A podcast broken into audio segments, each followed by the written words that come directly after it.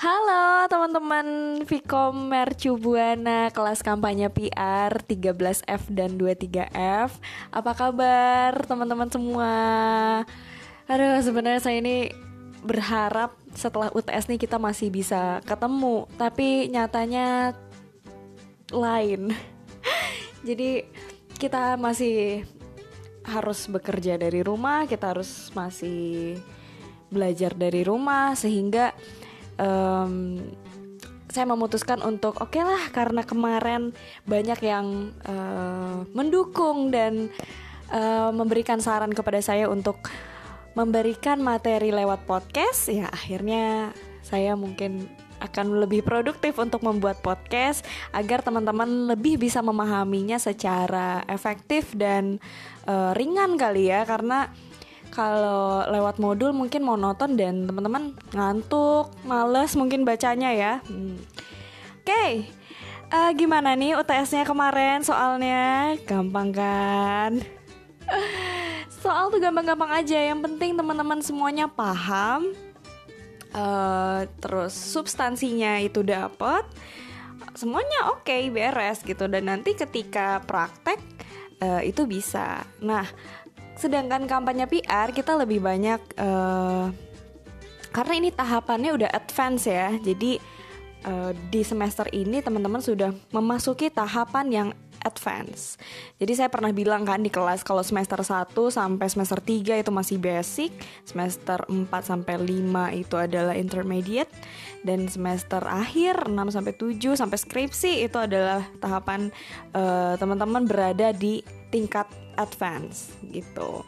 Nah, berbicara soal uh, praktik kampanye PR, nah setelah UTS ini memang lebih kepada uh, bagaimana sih teknik kampanye PR ya dalam praktiknya, lalu metodenya itu seperti apa ya kan? Terus proses dan bentuknya seperti apa, kampanye apa saja sih yang ada yang kita kenal, lalu uh, model ya, model kampanye. Kemudian masih banyak lagi eh, praktik-praktik uh, kampanye PR yang akan kita pelajari di minggu ini.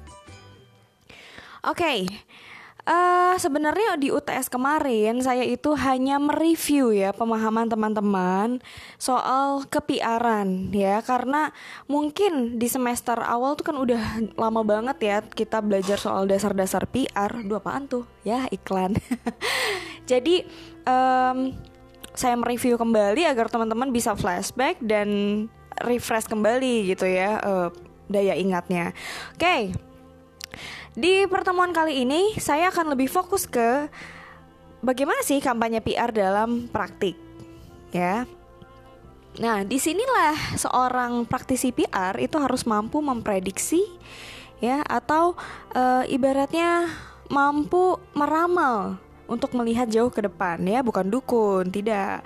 Jadi artinya e, public relation officer ya atau pejabat humas itu dituntut untuk proaktif dan beradaptasi untuk menghadapi gejala-gejala atau kecenderungan tertentu. Nah, akibat apa? Akibat terjadi pergeseran nilai-nilai dan uh, keinginan konsumen ya.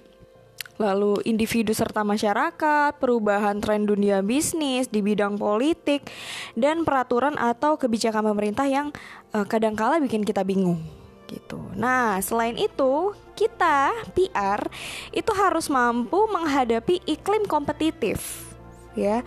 Jadi persaingan sekarang kan cukup bukan cukup lagi ya, benar-benar sudah tajam gitu. Bahkan keras untuk merebut pangsa pasar yang semakin ketat. Oke, makanya semua itu akan dapat mempengaruhi kebijakan, ya kan? Uh, aktivitas dan operasional bisnis perusahaan serta berupaya meningkatkan teknik dan uh, kiat untuk mengadakan kampanye PR sebagai salah satu sarana untuk uh, mengatasi persaingan yang kian ketat tersebut. Nah, termasuk untuk meraih keuntungan. Nah, tidak hanya keuntungan, kepercayaan, memperoleh citra. Nah, jika begitu, akan timbul pertanyaan, sebenarnya apa fungsi PR dan humas itu dalam kampanye PR? Ya. Nah, lalu bagaimana sih kegiatan PR ini dikaitkan dengan kampanye? Nah, kayak gitu. Lalu uh, oke okay, kita bahas satu-satu ya. Sebenarnya apa sih uh, fungsi PR dan humas itu di dalam sebuah kampanye PR ya? Kalau pada umumnya teman-teman saya sudah yakin teman-teman paham gitu. Nah sebenarnya apa nih uh, spesifikasinya gitu?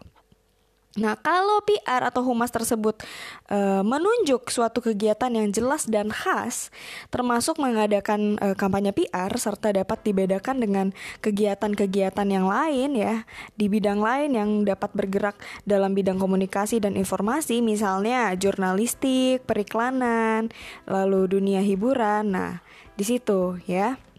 Jadi di kampanye PR ini ada sesuatu yang khas yang dibuat gitu. Apa sih yang membedakan dari kegiatan kampanye PR ini dengan bidang-bidang lain? Seperti itu. Ya, lalu bagaimana kegiatan PR ini dikaitkan dengan uh, kampanye? Nah, jadi kalau kita kembali lagi ya, menurut pakar komunikasi, kampanye ini adalah keinginan seseorang untuk mempengaruhi opini individu, opini individu dan publik ya.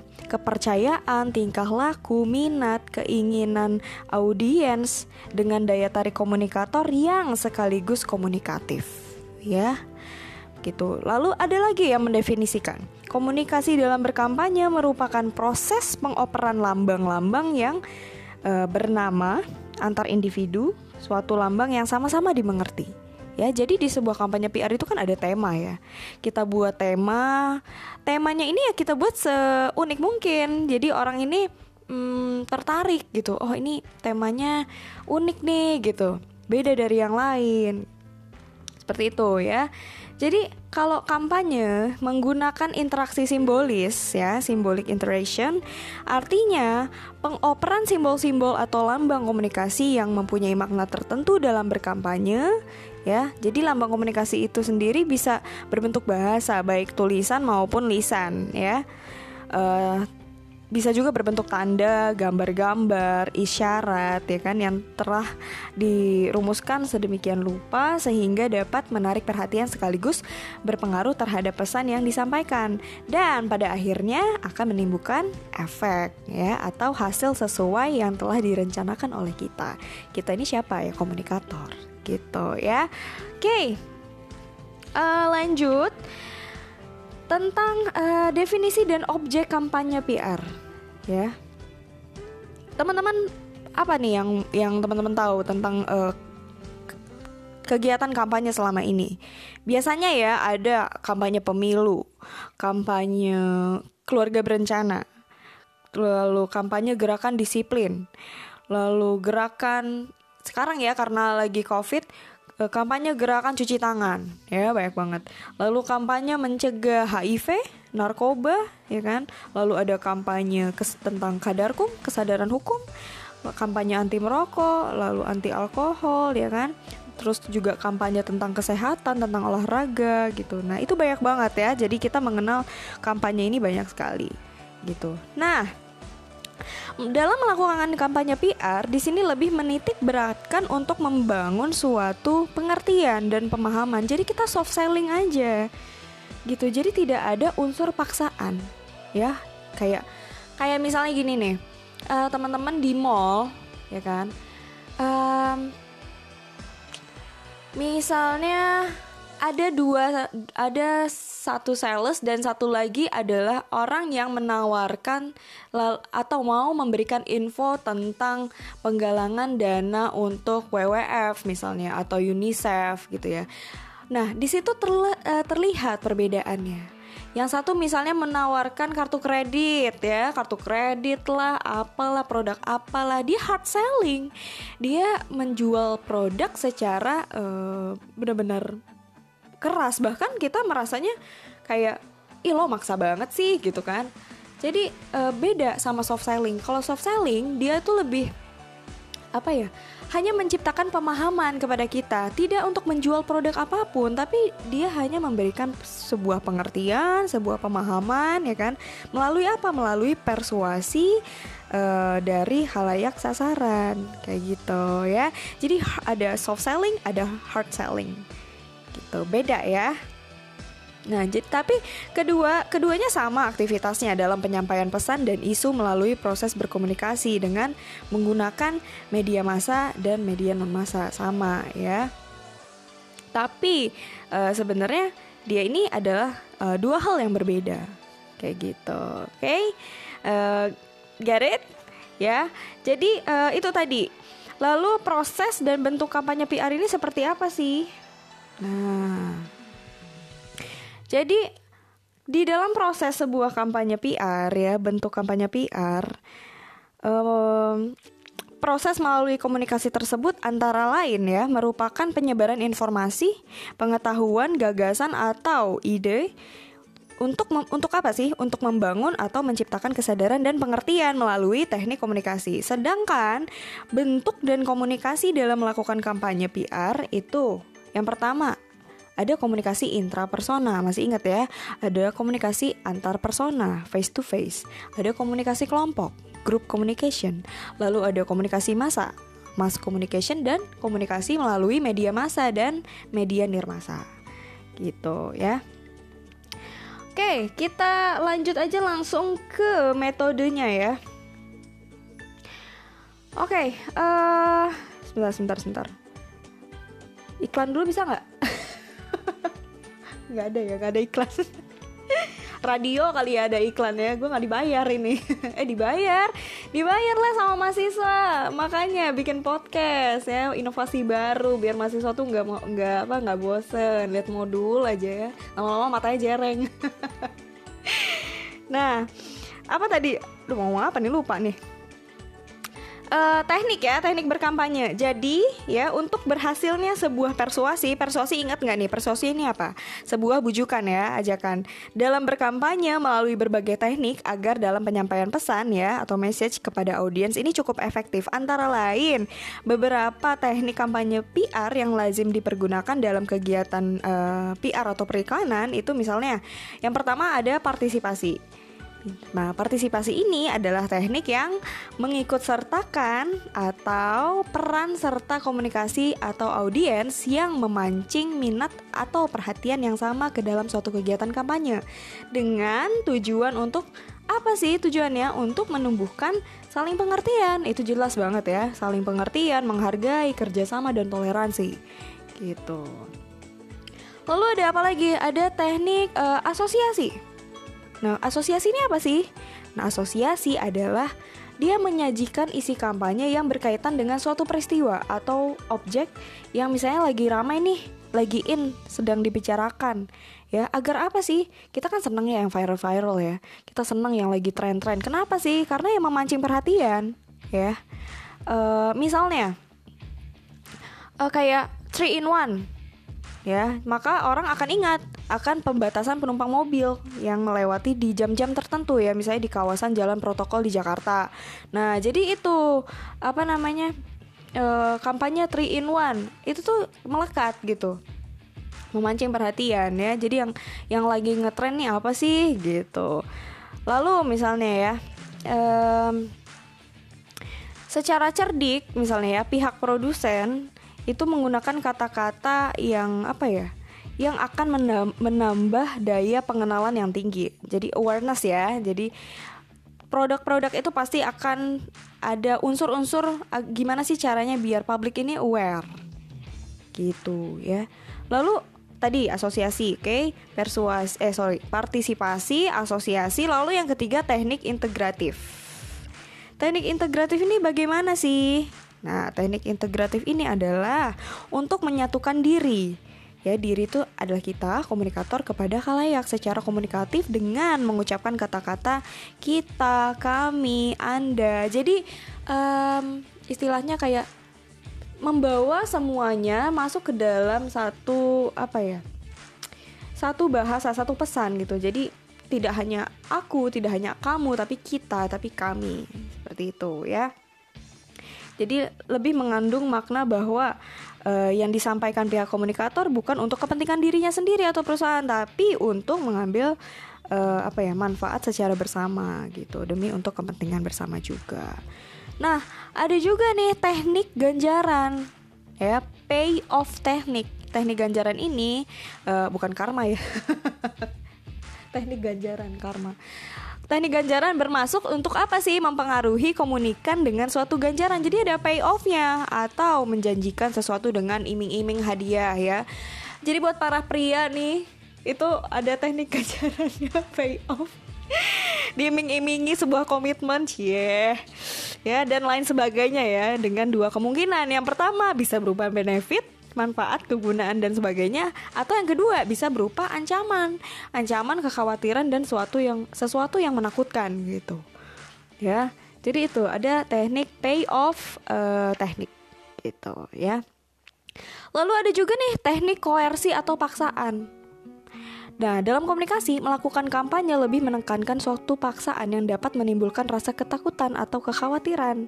Ya, ini habis nggak sih baterainya? Oh, enggak uh, sampai mana tadi? Bagi uh, pihak komunikan yang tidak uh, apa ya mau tunduk melalui uh, suatu ancaman tersebut. Nah, tapi di samping itu pasti ada resiko kalau misalnya kalian menggunakan teknik berkampanye seperti ini, karena ini apa dapat menggagalkan teknik persuasi, gitu ya. Ini listrik ini gimana sih bunyi bunyi mulu? Nah, gitu ya. Maaf ya teman-teman ya banyak iklan. Ada-ada aja nih. Oke. Okay. Uh, eh, kayak gitu ya. Jadi uh, banyak tadi pertama ya. Tadi apa pertama? Teknik partisipasi, lalu ada teknik asosiasi, integratif, ada teknik ganjaran dan teknik koersi. Gitu. Ya, paham ya teman-teman sampai sini ya. Nanti kalau misalnya nggak paham, uh, bisa teman-teman tanyakan di forum. Oke, okay. nanti insya Allah dibales. Insya Allah. 60 bo banyak banget harus dibalas satu-satu jempol gue keriting oke okay, lanjut. Nah kita masuk ke materi dan isi program kampanye. Minum dulu boleh nggak? Minum minum. Um, materi dan isi program kampanye. Materinya ya biasanya menyangkut yang pertama guys tema. Guys YouTube kali. Well uh, apa? Itu hello hello vlog. Welcome to my guys. Pansi receh banget. Oke okay. Lanjut ya. Tadi jadi materi dan isi kampanye tersebut biasanya menyangkut yang pertama to tema ya. Tema itu pasti ada tema topik terlalu isu apa yang ingin diangkat ke permukaan ya.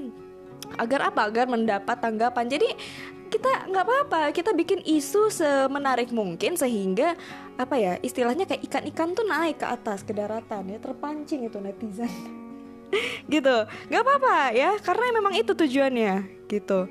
Lalu misalnya ada tujuan dari kampanye tersebut. Tujuannya apa sih kalian membuat tema seperti ini ya kan? E, lalu bentuk bentuk kampanye seperti ini. Tujuannya apa? Semua itu pasti ada tujuan ya. Kalian tujuan kuliah kalian apa sih? Tujuan saya untuk menjadi dosen kerja ini apa gitu. Tujuan e, untuk apa namanya menikah itu apa ya. Oke, lalu di dalam uh, materi dan isi program kampanye ada program atau perencanaan acara dalam kampanye. Dan yang paling penting adalah sasaran dari kampanye yang hendak dicapai. Gitu ya. Nah, jadi kalau uh, kita melihat uh, komponen-komponennya ya, setiap langkah penggiatan program kampanye tersebut dibentuk secara berangkai. Mulai dari yang pertama, guys ya, kalian bisa nulis atau sambil ngetik. Yang pertama ya, atau nanti saya kirim juga modulnya. Komponen-komponen yang uh, dibentuk ya, itu berangkat dari yang pertama adalah analisis situasi. Analisis situasi, yang kedua merumuskan tujuan dan target waktunya itu sampai kapan kampanyenya. Lalu menentukan publiknya siapa, target audiensnya ya. Jadi sasaran kalian siapa? Mau bikin kampanye tentang um, anti narkoba. Ya sasarannya misalnya anak SMA itu uh, kalau misalnya teman-teman merasa lebih efektif sasarannya anak SMA oke okay, jalankan. Seperti itu. Ya lalu menentukan medianya. Medianya lewat apa nih? Mau disiarkan di mana misalnya atau mau dipublikasikan di mana gitu ya. Atau mengundang media mana gitu. Lalu menetapkan anggaran untuk kampanye tersebut. Media ini termasuk uh, promosi ya. Jadi bisa juga nanti uh, promosi misalnya media apa? Media Instagram media Facebook media Twitter gitu kan ya itu oke okay. Lalu uh, ada apa lagi tadi menetapkan anggaran ya anggarannya untuk kampanye tersebut ini berapa gitu.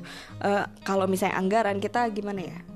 Mungkin itu kan uh, ada pembicaraan khusus dengan bagian manajemen keuangan ya. Tapi saya sebenarnya tidak mau memfokuskan di anggaran ya. Tapi uh, lebih kepada program penggiatan kampanyenya seperti apa. Lalu analisis hasil program tersebut dan aplikasinya berhasil atau tidaknya itu berdasarkan planning your work and working your plan gitu ya.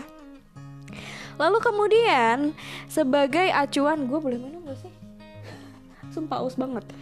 Kemudian saya sebagai acuan untuk mengukur keberhasilan dan program kampanye PR tersebut itu adalah tergantung pada apa yang uh, pada apa dan bagaimana masalah yang akan dihadapi oleh setiap kegiatan lembaga atau organisasi serta perusahaan melalui peranan PR-nya gitu. Sedangkan sebagai tolak ukurnya ya, bukan tolak angin, tolak ukur atau langkah terakhir adalah target atau sasaran yang hendak dicapai yaitu misalnya yang pertama, tujuannya memperoleh citra positif, lalu memperoleh kepercayaan, ya. Lalu e, realitasnya atau bukan khayalan walaupun sasarannya tidak berwujud ya seperti poin pertama dan kedua tersebut di atas tadi ya di atas itu yang citra positif dan kepercayaan tetapi bisa dirasakan melalui kesan ya baik secara individual maupun opini publik yang diterima secara positif ya. Jadi hasil kerja dari PR adalah bersifat e, intangible ya seperti saling mempercayai lalu uh, saling apa lagi saling menghargai saling pengertian toleransi goodwill dan sebagainya ya. Jadi gitu. Oke okay, uh, eh, mungkin 21 21 men 21 menit nih ya. Uh, mungkin itu ya pengantar untuk setelah UTS uh, mate minggu ini adalah kita sudah mulai masuk ke materi dari uh, kampanye PR itu sendiri. Jadi sudah masuk ke dalam isi ya. Jadi kita mempelajari bagaimana sih kita membuat kampanye PR yang baik. Nah, nanti teman-teman juga akan saya arahkan untuk membuat sebuah uh, kampanye PR. Misalnya teman-teman punya perusahaan atau punya program apa nih gitu yang akan dibikin sebuah kampanye ya. Nanti saya akan buat tapi itu mungkin akan ditulis ya rancangannya seperti apa. Nah nanti teman-teman akan olah sendiri mau bagaimana ya dari dari mulai tema dari mulai uh, judul ya lalu tujuan segala macam audiens itu teman-teman yang akan uh, membuat. Gitu ya. Oke mungkin untuk um, materi di pertemuan minggu ini cukup sampai sini saja ya. Jadi perlu teman-teman ketahui yang tadi kalau kita sudah masuk ke materi praktik ya, praktik tapi online. Lalu uh, apa nih? Enggak lah, nggak usah ada tugas dulu lah ya. Itu bisa mentor minggu depan. Nah, jadi teman-teman harus uh, coba pahamin dulu gitu ya. Kalau bisa teman-teman juga uh, beli lah ya online ya. Kalau kalau sempat sih beli uh, bukunya kampanye PR uh, karangan Rosadi Ruslan yang saya pernah bawa di pertemuan pertama. Itu lengkap sekali ya. Itu acu itu buku mudah sekali untuk dicerna dan dipahami karena dia simple gitu ya. Karena saya juga pakai itu. Jadi uh, ya kalau sempat lah ya. Kalau enggak ya nanti saya akan buat modulnya gitu Oke okay ya teman-teman sampai di sini. Uh, kebetulan saya juga haus banget ini ya. Lumayan. Oke okay, sampai ketemu di minggu depan. Insya Allah kalau tidak ada halangan saya akan membuat podcast lagi agar teman-teman bisa diputar secara uh, apa ya kapan aja ya di mana pun kapan pun. Dan teman-teman bisa denger di Spotify atau di Anchor langsung ya tapi lebih enak di Spotify sih ya.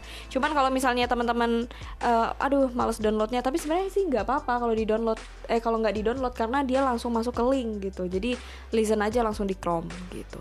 Oke cukup sampai seki se cukup sampai sekian. Cukup uh, sampai di sini saja ya hubungan kita Ya, sampai ketemu minggu depan ya, guys. Assalamualaikum warahmatullahi wabarakatuh.